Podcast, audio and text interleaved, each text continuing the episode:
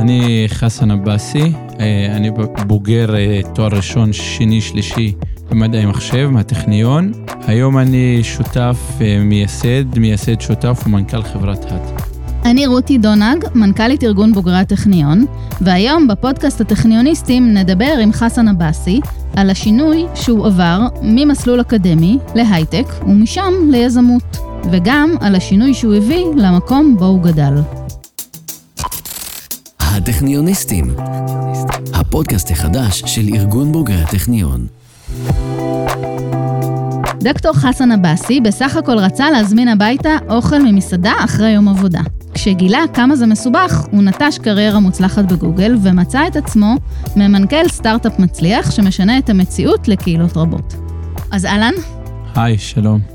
נתחיל בזה שתספר לנו מה אתה עושה היום ומה עושה החברה שלך. כן, אז uh, היום אני uh, מנכ"ל uh, חברת האט. Uh, אני אבטא את זה נכון, זה האט. האט uh, זה אומר בערבית תביא לי. אז האט uh, זה פלטפורמה טכנולוגית שמקשרת בין מסעדה, שליח ולקוח. והמטרה של להפוך את כל התהליך לטכנולוגי, ושהלקוח יכול להזמין אוכל בלחיצת כפתור, uh, עם פוקוס וכמובן דגש על ערים ללא תשתיות. כלומר, תחשבו על אה, עיר שאין בה כתובות, אין בה, אין בה מספר של בית, שם של רחוב, אה, יש המון תשלום במזומן, אה, למסעדות אין קופות חכמות וכולי וכולי, אז הבעיה הופכת להיות מסובכת.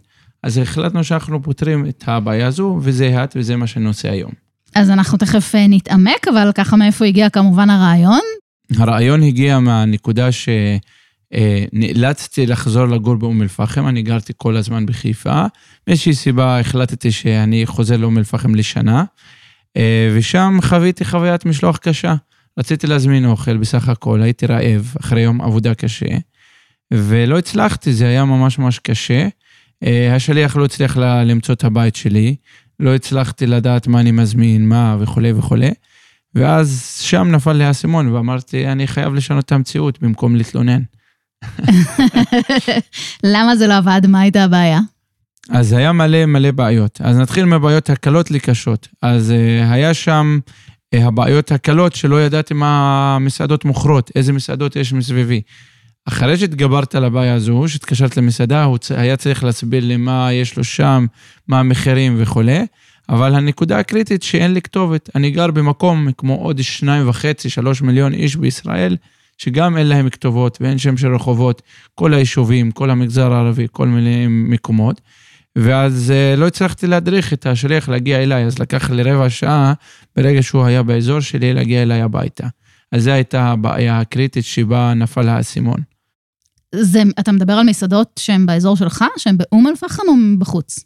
כן, אני, אני מדבר על מסעדות שהן נמצאות באום אל-פחם. והם גם לא ידעו איך להגיע? הם לא יד... השליח לא יודע איך להגיע, כאילו, אתה צריך להסביר לו. ותלוי בכמה יכולת אה, ניווט אה, שיש לך כלקוח, אז ככה גם יגיע השליח אה, בצורה יותר מדויקת, ולי אין. אוקיי, okay, אז אמרת שאנחנו מדברים על יישובים שאין בהם תשתית, ואתה לא מדבר רק על תשתית פיזית, בעצם אתה מדבר פה על מספר דברים שחסרים. נכון? גם תשתית טכנולוגית, גם תשתית פיזית, גם... נכון, כשאני אומר עיר ללא תשתית, אני לא בהכרח מתכוון תשתית באמת מים וחשמל, כן? אנחנו כמובן חייבים שערים שיש להם אינטרנט ואנשים יש להם סמארטפון. אבל תשתית אני מתכוון, נגיד כתובות לצורך העניין, אה, אין תשתית תשלום, נגיד, נגיד כמו המגזר לצורך העניין, זו דוגמה טובה, שאין תשתיות לתשלום, הכל קאש, אין, אין אשראי. 20% מהעסקאות הן רק באשראי ו-80% הן במזומן. אה, בנוסף, למסעדות אין תשתיות. אין תמונות למנות, אין קופות חכמות, אין תפריט, אין, הכל כזה עובד כאילו בצורה ממש ממש לא מסודרת. אז אנחנו בונים את כל התשתיות, בדיוק מה שאמרת, לא התשתית הפיזית בהכרח. כלומר, אתם מספקים לאותה מסעדה שרוצה לעבוד איתכם מעטפת שלמה של שירותים כדי שאפשר יהיה בעצם לעשות את כל הדבר הזה, לסגור את המעגל הזה כדי שהאוכל יגיע מאותה מסעדה אליך הביתה. כן, אנחנו מספקים למסעדה את הכל חוץ מהאוכל. כאילו, ברגע שהמסעדה מכינה את האוכל, היא לא צריכה לדאוג לכלום. כשאני אומר לכלום, לא לתפריט, לא לשירות לקוחות, לא לשליחים, לא איך להגיע ללקוח, לא איך להתעסק עם חשבוניות, לא, כלום, הם לא צריכים לדאוג לכלום, אנחנו פשוט בונים להם את כל התשתית. הדבר היחיד שאנחנו מבקשים מהמסעדה, להכין רק אוכל. זה הדבר היחיד. אנחנו שולחים להם צלמים, אנחנו בונים להם תפריטים, עושים ממש מאלף עד תף, רק תכינו אוכל. מדהים. אני חייבת לשאול למה אין רחובות, או למה אין שמות של רחובות באום אל-פחם? אה, ז- זו שאלה טובה, אני לא חושב שאני הבן אדם הנכון שיודע לענות, מהמם. אבל אה, זה, זה מגיע מכמה מקומות, זה גם מהזנחת, נגיד, בדרך כלל העיריות או הממשלה. אה, זה יכול להגיע מכמה, מכמה כיוונים, זה היסטוריים, פוליטיים, אז אה, אני לא, לא חושב שאני הבן אדם שיודע לנתח את זה בצורה הכי טובה, אבל משום שזה ערים שהן מאוד ישנות ו, וקצת מוזנחות, אז צריך שמישהו פשוט יעשה refactoring לכל הערים האלו, ולאף אחד אין כוח. אם אני היום רוצה לבוא אליך הביתה, אני לא יכולה למצוא את זה בווייז, נכון? חד משמעי, כן, זה יהיה בעיה. זה יהיה בעיה, אני אשלח לך מיקום אולי בוואטסאפ, משהו כזה. ומה יהיה כתוב שם ללא שם? ללא שם, ללא חד משמעי. או שם וירטואלי שאין לו שום משמעות. כן. בעצם, יש כאן בעצם בעיה אקוטית שהיא צריכה להיפתר ברמת מדינה או ברמת רשות מקומית או ברמת מדיניות. ובעצם, אתה מפתח אפליקציה שזה מעולה, זה קצת חוסך ממי שצריך לקבל החלטות ולפתור את הבעיות הגדולות של התשתית, את הצורך לפתור את הבעיות האלה, לא? אתה לא חושב? אה, זה- פותר, מה שאנחנו עושים זה פותר אה, מלא בעיות לרשויות המקומיות ו, ואחרים, אבל אה, יש כאילו, אנחנו לא פותרים את כל הבעיות של הכתובות ותשתיות, אז כמובן חייבים שיהיה בסוף תשתיות וחייבים לשפר את הדברים. אבל בעניין של אוכל אנחנו כן מצליחים פשוט לחסוך כל מיני דברים. אה, אנחנו מנסים אה, לעשות שיתופי פעולה עם כל מיני, עם דואר, עם כל מיני מקומות. אנחנו עוד לא שם, אנחנו בינתיים בפוקוס על אוכל, אבל כן, אנחנו רואים בעצמנו פתרון למלא מלא בעיות, אבל זה לא מונע גם מהממשלה ומהעיריות גם לעבוד ולשפר את התשתיות. אתה לא מתכוון שהם... אה, כן, שזה יחליף, לא, לא. זה לא תחליף. זה, זה לא זה תחליף בעצם איזשהו פתרון אולי. יותר לתושבים, לתושבים. כדי כן, ש... שהם יוכלו לקבל שירות. כן. והנושא של המזומן, למה בעצם הוא כל כך קריטי? אה, אז קודם כל, רק נתון כללי בקשר לעניין המזומן. אה, המזומן, האנשים שיש להם יכולת להחזיק אשראי, לצערי לא עוברת 50 אחוז. כלומר, אנשים שהבנק יש להם לקחת, להחזיק כרטיסי אשראי. אז כבר 50 אחוז לא יכולים להזמין, אם זה רק באשראי, כמו כל האפליקציות שקיימות היום בארץ. אז, אה, ומתוך ה-50, רק, רק 20 אחוז, כאילו 20 אחוז מתוך ה-100 אחוז, 20 אחוז הם מחזיקים, משלמים באשראי. אז, אה, אז אם נוותר על המזומן, אז 80 אחוז מהאוכלוסייה לא תוכל להזמין. אז זה מאוד מאוד קריטי. אז אה, הרבה לפני האט, לפני, לפני החברה שלנו, חברות מהמגזר היהודי ניסו להיכנס, והם נכשלו שם אה, משתי הסיבות העיקריות, זה תשלום במזומן וכתובות. אני משערת שזה לא רק חברות, לא רק מסעדות, אלא בכלל רכישה מקוונת בעייתית, אם אין כן, אשראי. כן, כן. באופן כללי, זה, אם אין אשראי, זה בעיה בדרך כלל מסובכת. גם אנחנו מסתמכים בבעיה הזו, כי זה, לנהל מזומן זה לא בעיה קלה. אה, גם מבחינה טכנולוגית, למשל, מה עושים עם הכסף ואיך דואגים שהכסף לא ילך לאיבוד ואיפה שמים את הכסף וכולי וכולי. גם מבחינה חשבונאית, גם מבחינה משפטית, יש שם תסבוכת לא קטנה, ואנחנו נמצאים בשביל זה. אז תספר לנו קצת איך אתם פותרים את זה, מה שאתה יכול. כן, אז זה, זה, זה, אני יכול לספר את הכל, אבל אני אסיים את הפודקאסט רק על זה.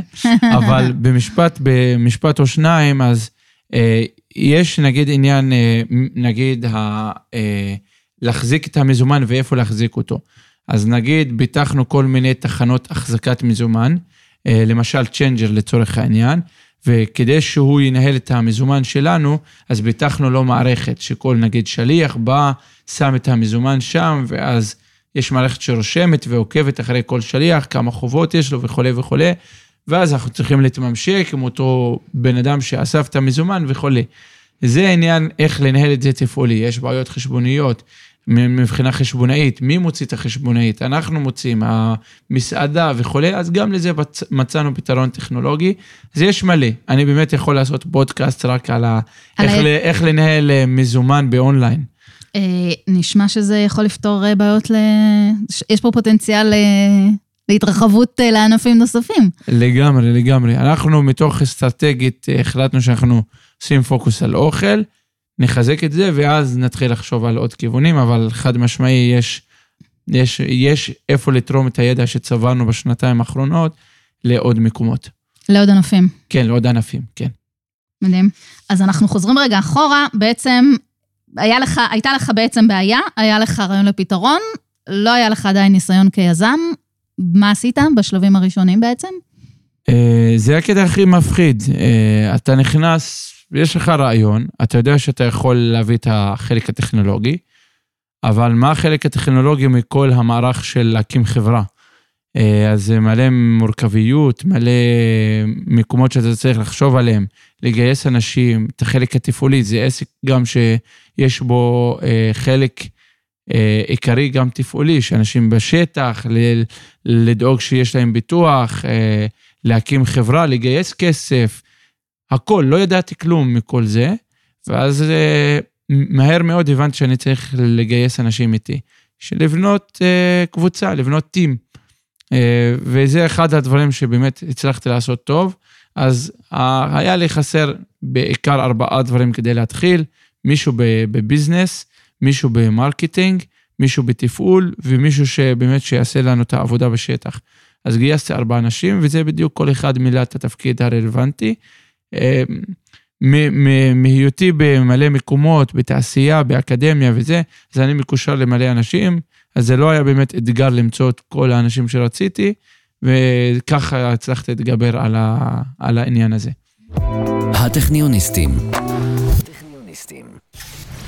אז היית בעצם בגוגל, אה, היית מרצה בטכניון, אה, באותה שנה שהתחלת אה, את המיזם הזה, איך נראתה השנה הזאת? השנה שבה התחלתי את המיזם זה הייתה שנת גיהנום, אה, לי ולמשפחה. לא מומלץ זה נשמע. אה, זה, זה, זה כיפי שמסתכלים על זה בדיעבד. אה, כאילו עשיתי מלא דברים בשנה הזו, אבל הייתי צריך לעבוד משרה מלאה, ללמד בטכניון, יש לי שני ילדים, ו, ולעשות משרה מלאה בזמני החופשי. אז הייתי כל יום חוזר מהעבודה, לא רואה ילדים, לא רואה משפחה, כלום.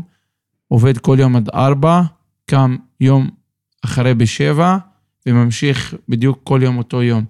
וישנתי, אני זוכר, חודשים רבים, ישנתי שלוש-ארבע שעות. אה, כי האלטרנטיבה הייתה פשוט אני עוזב את הכל ומתחיל כאילו, ולוקח את כל הסיכון, ויש לי משפחה וילדים. בחרתי לעשות את זה. והחלטתי שאני ישן שלוש שעות למשך כמה חודשים. וחשבתי שזה יהיה כמה חודשים, אני עבר שנתיים, שלוש, את האמת, מזמן הביטוח. אני עוד שם, לצערי. נראית רואה בעיניים שלי. ובהכל, אין לי קול יותר. אז uh, תהליך הפיתוח של האפליקציה התחיל כמובן מהרעיון, שיש לי בעיה, והחלטתי שכדי לתכנן את זה, ושבאמת שבאמת שזה יצליח, אסור להסתכל על שום מוצר דומה. כאילו, יש מלא מלא מוצרים של food delivery בעולם, ומתוך בחירה אמרתי, אני לא מסתכל, אני לא מכיר אותם, אף פעם לא השתמשתי ב food delivery app, ואמרתי, אם אני, אם אני אסתכל, אני אהיה מאוד biased, ואני לא אעשה משהו מותאם, אלא אני ח... אעשה חיקוי, כי זה טבע הדברים, אתה רואה משהו, אתה רואה, וואו, זה מגניב, mm-hmm. אבל אתה מפסיק לחשוב על מה באמת צריך להיות. ואז לא הסתכלתי והתחלתי לתכנן את זה בפאורפוינט, ממש לצייר את זה, להגיד, אה, איך זה, איך יתמודדו עם הכתובת, מה אחרי הכפתור הזה יהיה. אז בניתי ממש כל הדפים, בניתי משהו כמו 120 דף, שממש כל כפתור, מה הוא עושה, ממש בציורים. בינתיים לא כתבתי שורת קוד אחד, וככה באמת אה, בניתי את הכל. והתחלתי לדון עם חברים, עם הקבוצה שגייסתי אותם, היינו שניים, שלוש, אז שלוש, אז ארבע, אבל בהתחלה היינו רק שניים, ואז התחלתי להראות לו ולעשות סיעור מוחות, ככה מה, מה דעתך על זה וזה, ואז באמת יצאנו לשלב הביצוע. לקח לנו בערך שנה לה- להוציא את המוצר הראשון, ושם, אה, ושם יצאנו. ואיך באמת אתם פותרים את עניין הכתובת? אז אה, זה משהו שאנחנו כל הזמן משפרים ועושים, אז, אה, אז קודם כל אנחנו לא, לא, אנחנו מתחשבים במגזר, מתחשבים בסוג האנשים שיש שם. ואני אני יודע מה זה בן אדם שלא כל הזמן משתמש במפות, ולא, הוא לא חי בעיר גדולה וכולי, אז אני לא מציג מפות. להציג מפה זה יכול לבלבל, ואנשים לא יודעים מה זה, איפה הם, ולא מצליחים למצוא את עצמם בתוך המפה. אז הכל צריך להיות אוטומטי, ומי שרוצה לשנות, הוא צריך לבקש. בדרך, בדרך כלל האפליקציות בעולם פותחים לך המפה ונותנים לך להזיז. פה לא, אתה לא זז. אתה... האפליקציה פשוט מזהה איפה אני מזהה, נמצאת בתור לקוחה, צריך- נכון, והמשלוח מגיע אליי לפי המיקום ש... נכון. שאני נמצאת בו. לפי המיקום, ואתה לא משנה את זה רק אם אתה בכוח מבקש, כאילו באפליקציה, ויותר מזה, יש בעיות GPS, נגיד, נגיד, אוקיי, לוקחים את המיקום של הלקוח, זה סבבה, אבל נניח שבאזור שלו יש בעיית GPS, אז לא לקחנו את המיקום המדויק. אז איזה 500 מטר, נגיד, ב- בסטייה. מה שאנחנו עושים, בהזמנה הבאה, אנחנו משפרים את המיקום שלו. איך אנחנו משפרים? על ידי השליח. אנחנו מזהים את ההתנהגות של את המסלול השליח, שהוא עשה. של השליח, ומזהים כל המסלולים, מנסים להפעיל Machine Learning, פשוט שכל פעם נאסוף את כל הסיגנלים וננסה כל פעם לדייק במיקום של הלקוח לאותה זאת אומרת, זה נקודה. הכל בתוך האפליקציה שלכם, הם לא משתמשים באפליקציות ניווט, השליחים. כן, כן, הכל בתוך האפליקציה שלנו. זאת אומרת, לכם יש בעצם יכולת ניווט בתוך האפליקציה. כן, כן. אוקיי, טוב, יש לי רעיון לפרויקט, נדבר על זה אחר כך. אוקיי. אה, לא, פשוט נראה לי שצריך שם לעשות אה, עבודת מיפוי, לא? אה, לגמרי, אנחנו... צעירי אה, אום אל-פחם יכולים לעשות פרויקט. אנחנו יש יכולים. מלא פרויקטים כאלה בעולם, זה מדהים. כן, כן. פשוט אני- למפות את היישוב. אנ- אנחנו לא, אנחנו כבר בעשרה, בעשרה אזורים, 30 עיר וכפר. וכן, חד משמעי, אנחנו נוכל אה, לשפר שם דברים בצורה די, די אוקיי. ברורה. טוב, רציתי לשאול אותך אם, אם אתה רואה בזה משהו חברתי, או שמבחינתך זה ביזנס נטו. האמת, בהת, אני, אה, אני הייתי אומר שזה 30-70. אני רואה 30 אחוז ביזנס ו-70 אחוז חברתי. וואלה. אולי לפני שנה היה 70-30. זה תמיד היה לי משהו חברתי עם זה. אף פעם לא אגיד שזה 100% היה ביזנס, אבל היום במצב שאחרי שחוויתי את זה, ואני מבין את הכוח עליי והסיפוק שזה נותן, מבחינה חברתית, איך, איך זה, איפה זה מתבטא? אז זה מתבטא בכמה מקומות. אז קודם כל, היום את מעסיקה 80 איש. אז חוץ מהשליחים, חוץ מהכל, אנחנו מעסיקים 80, 80 איש. וסוף סוף יש לצעירים במגזר מקומות מפוארים לעבוד בהם. הם, אה, אז במקום שהם ילכו לפשע, אין להם כלום בחיים, אז הם עכשיו יכולים פשוט למצוא משהו מעניין בחיים, טכנולוגי, יש לנו אווירה ממש משקפת, צעירה, כמו קמפוס של, של האוניברסיטה. אז, אה, אז זה משהו אחד. מקום שני, כל עניין של השליחים שאנחנו מעסיקים, אנחנו מעסיקים בערך בין 350 ל-400 שליחים. אז גם זה פשוט מלא, אתה מרגיש שאתה לוקח את האנשים לכיוון אחר, במקום שיתעסקו ב... במקום החלל הריק שאין להם מה לעשות בחיים, אין מספיק עבודה והם צריכים לנסוע לתל אביב וצריכים לחפש משהו מעניין בחיים שלהם, אז הם מוצאים בתוך העיר או הכפר משהו שיעשו אותו. ועוד משהו, הצרכנים עצמם מרגישים גאווה עצמית, כי מהמם. סוף סוף ה... האוכלוסייה מרגישה שהיא מייצרת ולא רק צרכנית, היא גם, היא יודעת, היא יודעת לייצר ולא רק אה, להשתמש בדברים שמקבלים אותם מבחוץ. מבחוץ. זאת אומרת, המסעדות הן כולן מהחברה הערבית, או לא רק? בינתיים, בינתיים, את האמת לא. אה, המסעדות לא, ואף פעם אנחנו לא מכוונים רק ל, ל, למגזר. המגזר הוא הכניסה שלנו לשוק. אנחנו עובדים עם מלא רשתות, עובדים עם מקדונלדס, עשרה סניפים, עובדים עם פיצה, עובדים, אה, עובדים אה, עם גרג, בגה, כאילו כל, וגם איתם אתם בונים להם תפריט הכל, הכל. משלכם בערבית ל- לאוכלוסייה שאתם עובדים כן, איתה. אנחנו, אנחנו, האמת האפליקציה שלנו תומכת שלוש שפות, ערבית, עברית, אנגלית, אז אנחנו, אה, אנחנו מתכוונים להיכנס גם ליישובים, נגיד לעפולה, אולי לחיפה ועוד מקומות שאנחנו מרגישים שיש לנו שם ערך נוסף. מה יש לכם בעפולה? אה, אז קודם כל, אין שם שמישהו באמת משרת אותם ברמה שמגיעה לכל, לכל לקוח. אז, אה, אז אנחנו, זה בדרך כלל מקומות שלא, אה, שלא מושכות את, ה, את החברות הגדולות. מהמם. אנחנו חושבים שאנחנו כן רוצים לשים פוקוס על אותם ערים. אז זה עיר שהיא קטנה, עיר ש, שמצד אחד הם צרכנים, יש בה מספיק צריכה, אבל היא לא מספיק מגניבה כדי שתגנוב את ה... או תמשוך אה, אפליקציות עולמיות. אז אנחנו, אנחנו, זה בדיוק הפוקוס שלנו, זה מה שמבדיל אותנו בין הגדולים לבין אנחנו שנכנסים לנישה אחרת. אני משערת שבמקומות האלה יש משלוחים, אבל פר מסעדה, זאת אומרת... נכון, נכון. בכל מקום יש משלוחים, השאלה כמה זה מפותח. ומקומות אלה, הסיכוי שברוב המקומות זה שהשוק המשלוחים הוא לא, לא, מפותח, לא מפותח מספיק וחוויית המשתמש לא, לא מאוד חזקה מהמם. וכיפת. מתי הלקוח הראשון אה, לחץ על אה, הזמן? אז הלקוח הראשון שלחץ על הזמן, אז אני, אני, זה היה היום הכי יפה בחיים שלי. זה כל מה שרציתי לראות אחרי שעבדתי שנה שלמה, אמרתי, מספיק לי שאחד יעשה את התהליך מא' עד ת' וזה יהיה מוצלח וזה יספיק לי. אני עושה שלושת אלפים כאלה ביום וזה לא מספיק. אז... אה, היום היום, כן. התפנקת. אה, כן, כן. אה, אז הלקוח הראשון זה היה בשמיני לפברואר איזה שנה? 2020. אוקיי, וכן, זה חמש דקות לפני הקורונה? כן, זה היה ממש בתחילת, כן, חודש לפני הקורונה, לפני שהכל התפוצץ, אז יצאנו. היה לנו כמה לידים כזה, כמה מספרים, שלחנו להם מהיום, אני זוכר את ההודעה, שלחנו להם בהודעת אס.אם.אס, בוואטסאפ אפילו. שלחנו להם, אום אל-פחם ב-2020, לא כמו אום אל-פחם 2019. אוכל אוקיי. יכול להגיע אליך בלחיצת כפתור, אין לינק, תוריד את האפליקציה.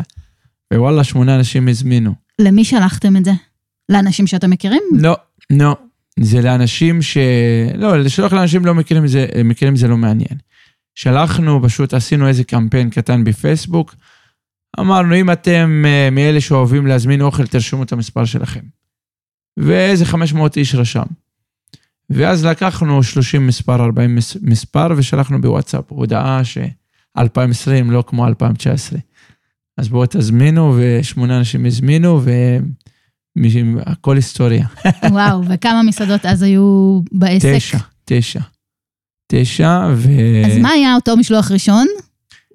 אה, סוג האוכל? כן. כן, זה היה בורגר. זה בבקשה. היה בורגר, כן. עד היום בורגר זה מספר אחד באפליקציה, זה המוצר. הכי נמכר. מעניין מאוד. כן. הרגלי הצריכה זה מעניין. וואו, זה עיתוי מדהים. זאת אומרת, הקורונה פשוט העיפה את כל הנושא של המזון בצורה מדהימה, לא? אני, אני חושב שהקורונה אה, האיצה, היא לא שינתה כלום בעולם הזה, בעיניי, כן? השוק הזה קיים עשר שנים לפחות, 15 שנה. אה, חברות ענק יש בתחום הזה, חברות שהונפקו לפני הקורונה. אה, אבל הקורונה האיצה, כאילו, התהליך שהיה אמור לקחת שלוש שנים, זה קרה בתוך שנה.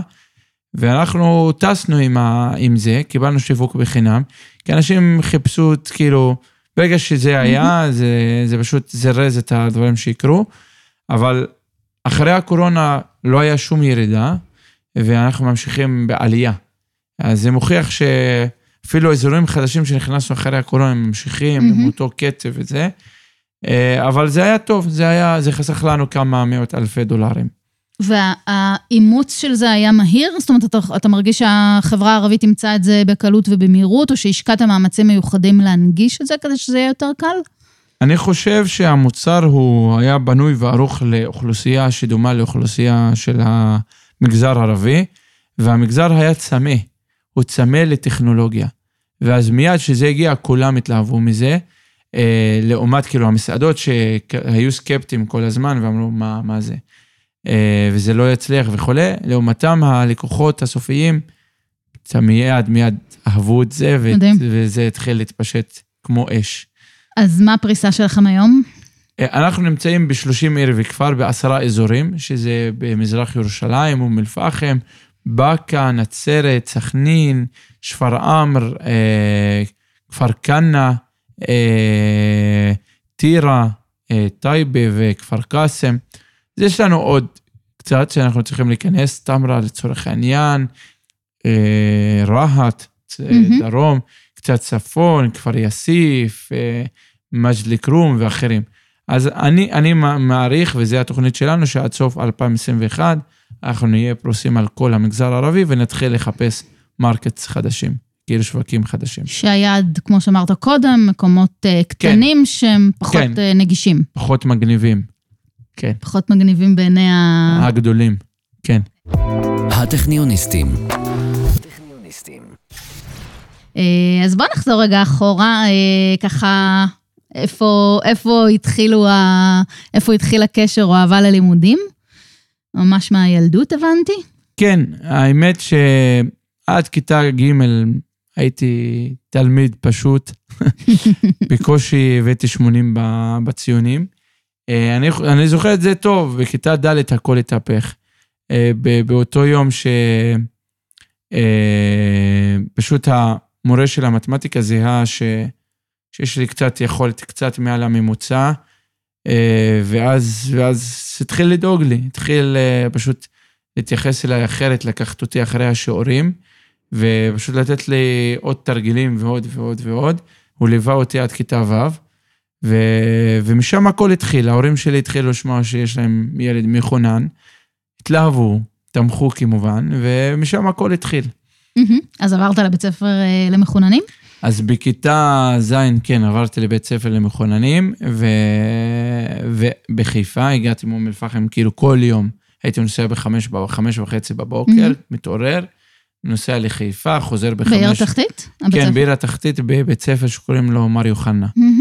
אה, ובכיתה י' ככה פתחו בית ספר למחוננים באום אל-פחם, אז חזרתי שוב לאום אל-פחם, ואחרי כיתה י"ב ישירות הגעתי לטכניון. אז עשית כאן שלושה תארים, נכון? אז עשיתי תואר ראשון, הרגשתי שזה לא מספיק לי. עשיתי תואר שני, גם אותה הרגשה, בשלישי נשבר לי. אז, אה, אז אה, כן, עשיתי שלושה תארים פה, כן. אוקיי. ואז עבדת באינטל, נכון? אז אה, העבודה הראשונה שלי הייתה כשהייתי בן 19, אחרי שנה ראשונה בטכניון. הזמינו אותי לראיון לאינטל, אז עבדתי שם שלוש שנים עד שסיימתי את התואר הראשון. תוך כדי עבדתי כמתרגל סדנאות בחדווה ומבוא למדעי מחשב. ואחרי שסיימתי תואר ראשון, אה, אז התמקדתי בתואר השני, התפטרתי מהעבודה, הייתי מתרגל, זכיתי גם בתרגל מצטיין, מהמם. מצטיין מתמיד, ואחרי זה, אחרי שסיימתי תואר שני, אה, עבדתי ב-IBM שנה, ואז עשיתי דוקטורט, עבדתי בגוגל, בתוך הדוקטורט אה, עבדתי בשוויץ, עבדתי בתל אביב, ואז סיימתי את הדוקטורט ועברתי למשרה מלאה בגוגל חיפה. וכשהתחלת את המיזם הזה, בעצם היית צריך לבחור, נכון? כן, כשהתחלתי את המיזם, שהתחל, שזה התחיל לרוץ וזה התחיל לגדול, הייתי צריך לבחור או שאני עוזב את הכל ומשקיע במיזם, או שאני עוזב את המיזם. ונראה לי כל מהנדס יכול להבין את הקונפליקט שעברתי מהמם. אותו וכמה קשה. במיוחד שעם כמות הכסף והמעמד והעניין והקשרים שאתה עושה בתעשייה, וזה לא, לא בחירה קלה. מהמם. והיו דברים שעזרו לי לעשות את הבחירה, אבל באופן כללי זה, זה משהו קשה, ופשוט אני, פשוט לכל אחד שככה הוא על הסף, תמיד אתה על הסף, אני אומר שחיים הם קצרים ושווה לנסות דברים חדשים, גם אם לא יצליחו, גם לא להתחרות, לא להתחרט על זה. כן. אז באמת אמרנו שאתם פרוסים אה, בצורה מאוד מאוד רחבה אה, בכל הארץ. ככה, כמה עובדים יש? אה, הבנתי שהיה לכם אה, סיבוב אה, גיוס רציני לאחרונה. אתה יכול קצת לספר? כן, אז uh, אנחנו ב-2020 היינו ארבעה, חמישה אנשים, והעסק גדל הרבה יותר ממה שחשבנו. אנחנו היום uh, 80 איש. זה מתחלק בין מפתחים, שירותי לקוחות, שיווק, תפעול, חשבונאות, מתחלק אה, על פני מלא מלא עובדים. בנוסף, גייסנו בתחילת הדרך, לפני שעשינו משלוח אחד, 200 אלף דולר, ולאחרונה סגרנו סיבוב של 3.5 מיליון דולר. והמטרה של הכסף פשוט לעשות פריסה ארצית ולהתחיל אה, את התכנון למדינות חדשות. שמה מה על הפרק? הנושא של, של מקומות... כן, ערים ללא תשתיות, כן, אנחנו מתכוונים לצפון אפריקה, לצורך העניין זה שוק שאנחנו יחסית מבינים, אנחנו עוד במחקר והבנה של השוק הזה, אבל מרוקו, תוניס, אה, מצרים, אה, אנחנו גם בודקים אה, מזרח אירופה, דרום אמריקה. אז. כל המקומות שהם, נקרא לזה בעייתיים איכשהו, באיזשהו כן. מובן. כן, שהם בעייתיים מבחינת תשתית והם לא אטרקטיביים מספיק בעיני החברות הגדולות בעצם. בדיוק. מה אתה אוהב ב- בלהיות אה, יזם, ואיך זה שונה מדברים קודמים שעשית? מה אני אוהב בלהיות יזם, זה, זה, זה, ש- זה שאלה קשה.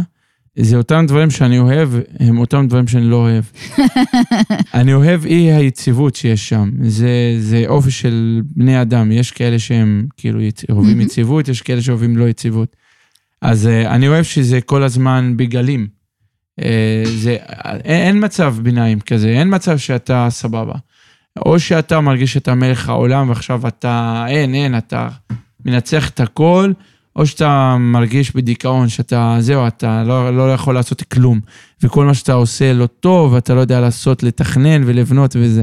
ואתה כל הזמן, אתה מהמם. באמת, בין יום ולילה, אתה עובר ממצב למצב. אה, אז זה, זה, זה משהו שאני אוהב, וגם לא אוהב. אה, קשה להסביר את זה. אבל משהו שאני באמת אוהב, ותמיד אוהב, את, כאילו, העצמאות שאתה מקבל כיזם. אני קשה לי לראות איך, איך אני יכול פשוט עכשיו לחזור צעד אחורה. ברגע שאתה עצמאי, mm-hmm. אתה מחליט הכל, אתה... מה זה מחליט? אתה מתייעץ, אתה כל הזמן מדבר עם אנשים וכולי. זה לא איזה מלך אה, של לא יודע מה. mm-hmm. אבל, אבל ברגע שאתה כאילו בעל שליטה, ואתה יכול לקחת חזון, ולקחת אותו עד הסוף, ואף אחד לא אומר לך מה אתה צריך לעשות. זה משהו שלך, זה כמו ה baby שלך. זה הרגשה שאף אחד לא יכול להבין אם הוא לא חי, חי את ה... mm-hmm. כאילו, חי את ההרגשה הזו, וזה אחד הדברים הכי מגניבים, ונראה לי זה מחזיק רוב היזמים, עם כל הקושי וכל הלחץ, ההרגשה הזו של אתה עצמאי, אתה יכול לקחת כל, כל המחשבות שלך כמה שתרצה רחוק, זה תלוי מהמם. אך ורק בך, אז זה פשוט משהו מאוד מאוד מגניב, שפשוט מדרבן אותך כל הזמן. ועכשיו, פינת קידום עצמי. טוב, אז uh, יש לנו, אנחנו כזה מתקרבים לסיום, ויש לנו שאלות, uh, פינות קבועות uh, בפודקאסט. כן. אז הפינה הראשונה, קידום עצמי. אוקיי, אז אה, אם אתה, אם אתה, אם אתה גר ב, במקום שהוא בעיניך בעייתי, ואתה אף פעם לא חווית מה זה חוויית משלוח כיפית, אז אה, דרך האט, דרך האט אתה יכול לקבל את הכל בלחיצת כפתור. אז אה, זה, זה, תורידו את האפליקציה. תורידו את האפליקציה. אני חושבת שאני גרה במקום בעייתי, אבל נדבר על זה אחר כך. כן, גם נגיע, אה. גם תפנו אלינו שנגיע לאזורים שלכם. בדיוק. יש אזורים שאנחנו פחות מכירים, אז אה, זה תכף הזמן. נדבר כן. על זה. עצות לסטודנטית המתחילה או לסטודנט. אנחנו רוצים ממך אה, עצה לסטודנט או לסטודנטית הצעירים בטכניון. אז עצה שהכי, אני, האמת קשה לתת עצה אחת, אבל אני אתן שתי עצות. אז עצה אחת בעיניי שמאוד מאוד חשובה וקריטית לעשות כל מה שאתה רוצה לעשות בחיים, זה התמדה. אה, כולנו מוכשרים, כולנו מוצלחים, כולנו יש לנו רעיונות מבריקים, כולנו יש לנו רצון להצליח, אבל הרוב לא מתמיד, לא יודע להתמיד. להתמיד זה אומר שאתה נותן בכל הזמן, באותה כמות, ללא קשר למצבים. לא משנה עכשיו אם אתה, סתם לצורך העניין לסטודנטים, אתה הולך להרצאה, לא משנה מה, גם אם אתה מבין, לא מבין, אתה מחליט שאתה הולך, אתה ממשיך ללכת. אה, אז כולנו עוברים תקופות קשות, אני עברתי, הורים התגרשו באמצע הלימודים, בעיות, כולנו עוברים כל מיני בעיות, אבל יש, אם אתה מתמיד, אתה מתמיד, אין, אין תירוצים. אז אה, זה, זה משהו אחד. והמשהו השני זה פשוט אה, לא לפחד. מאוד חשוב לא לפחד, להיות זהיר כמובן, אבל לא לפחד, לא לשים מחסומים לעצמך. רוב הדברים שעשיתי בחיים שלי, שנה לפני חשבתי שאין מצב שאני יכול לעשות אותם, אתחיל כשהייתי בן 18, אמרתי לעולם אני לא אבין חדווה, שנה אחרי אני מתרגל בחדווה. אמרתי לעולם לא יכול להיות מרצה, שנה אחרי אני מרצה. לעולם לא יכול להקים חברה ענקית, היום יש חברה עם 80 איש. אז לא לשים מחסומים לעצמנו, זה משהו מאוד מאוד חשוב. מה זה עבורך להיות בוגר טכניון? מה זה בשבילך להיות בוגר טכניון? וואו, להיות בוגר טכניון זה, זה מתנה. זה מתנה מאוד מאוד גדולה, ככל שאני מתקדם מהזמן, ככל שאני מעריך אותה יותר. אה, זה מפתח למלא מלא מקומות. בכל מקום חדש שאתה הולך אליו, אנשים רוצים מין פתק להגיד שהוא טוב, הוא בסדר, הוא אפשר להאמין לו, מה שהוא אומר הוא לא שטויות. אז בכל פעם שהלכת לאיזשהו מקום, לעבודה, משקיעים, אנשים שאמרת שאני מהטכניון, הם היה כזה, נרגעו, הרגישו בנוח. זהו, אנחנו, אוקיי, אל תדבר איתנו על החלק הטכנולוגי. הפתק. כן, אל תדבר על החלק הטכנולוגי. מה שתגיד, אנחנו מאמינים ואתה יודע לעשות אותו. וזה באמת, זה באמת מתנה, שאתה הולך ל, ל, לרעיונות עבודה או לעבודה, או לכל מיני מקום, שאתה נותן הרצאה באיזשהו מקום. אז פתאום כולם מקשיבים לך, כולם רוצים לשמוע מה שאתה אומר, כי זה מותג שבאמת שווה להיות בוגר טכניון. זה פרסומת לטכניון. ברור, באו ללמוד פה. רציתי לשאול אותך מה קיבלת כאן בטכניון שלא היית מקבל במקום אחר. אני חושב, מה שמגדיר מקום טוב למקום פחות טוב זה אנשים וחוקים. אז שני דברים שבעיניי קיבלתי בטכניון, אה, אז אה, מבחר אנשים מאוד מאוד מוכשרים מסביבי, אם זה מהסטודנטים עצמם, במיוחד מהסטודנטים עצמם, שזה פשוט מקום שאוסף מלא אנשים טובים ביחד, וזה הנכס הכי גדול, וגם מהצוות עצמו הגדול, המרצים, האנשים, החוקרים. והדבר השני זה הרצינות. אה, ממלא מקומות שאני רואה בעולם, אני גם לימדתי, לא, לא רק בטכניון, גם במקומות אחרים, כמה הטכניון רואה בעצמו מקום רציני, זה, זה לא מובן מאליו, זה לא כל מקום רואה את עצמו ככה. אה, לפעמים נגיד במבט של סטודנט זה משהו רע, אבל לטווח ארוך זה משהו. ממש רק מביא תוספת ומלמד את אותם סטודנטים אה, אה, איך להתמודד עם דברים קשים בחיים. אז אה, תודה רבה. תודה לכם. ותודה לכן ולכם על ההאזנה. אנחנו הטכניוניסטים, הפודקאסט של ארגון בוגרי הטכניון. תמצאו אותנו ביישומוני הסטרימינג וההסכתים הגדולים, ובאתר הארגון. אם אתם רוצים להשתתף בפודקאסט, צרו קשר דרך האתר. אני רותי דונג, להתראות. הטכניוניסטים, הפודקאסט החדש של ארגון בוגרי הטכניון. הטכניוניסטים, זמין להאזנה בספוטיפיי, דיזר, אפל פודקאסט, גוגל פודקאסט ובאתר ארגון בוגרי הטכניון. הטכניוניסטים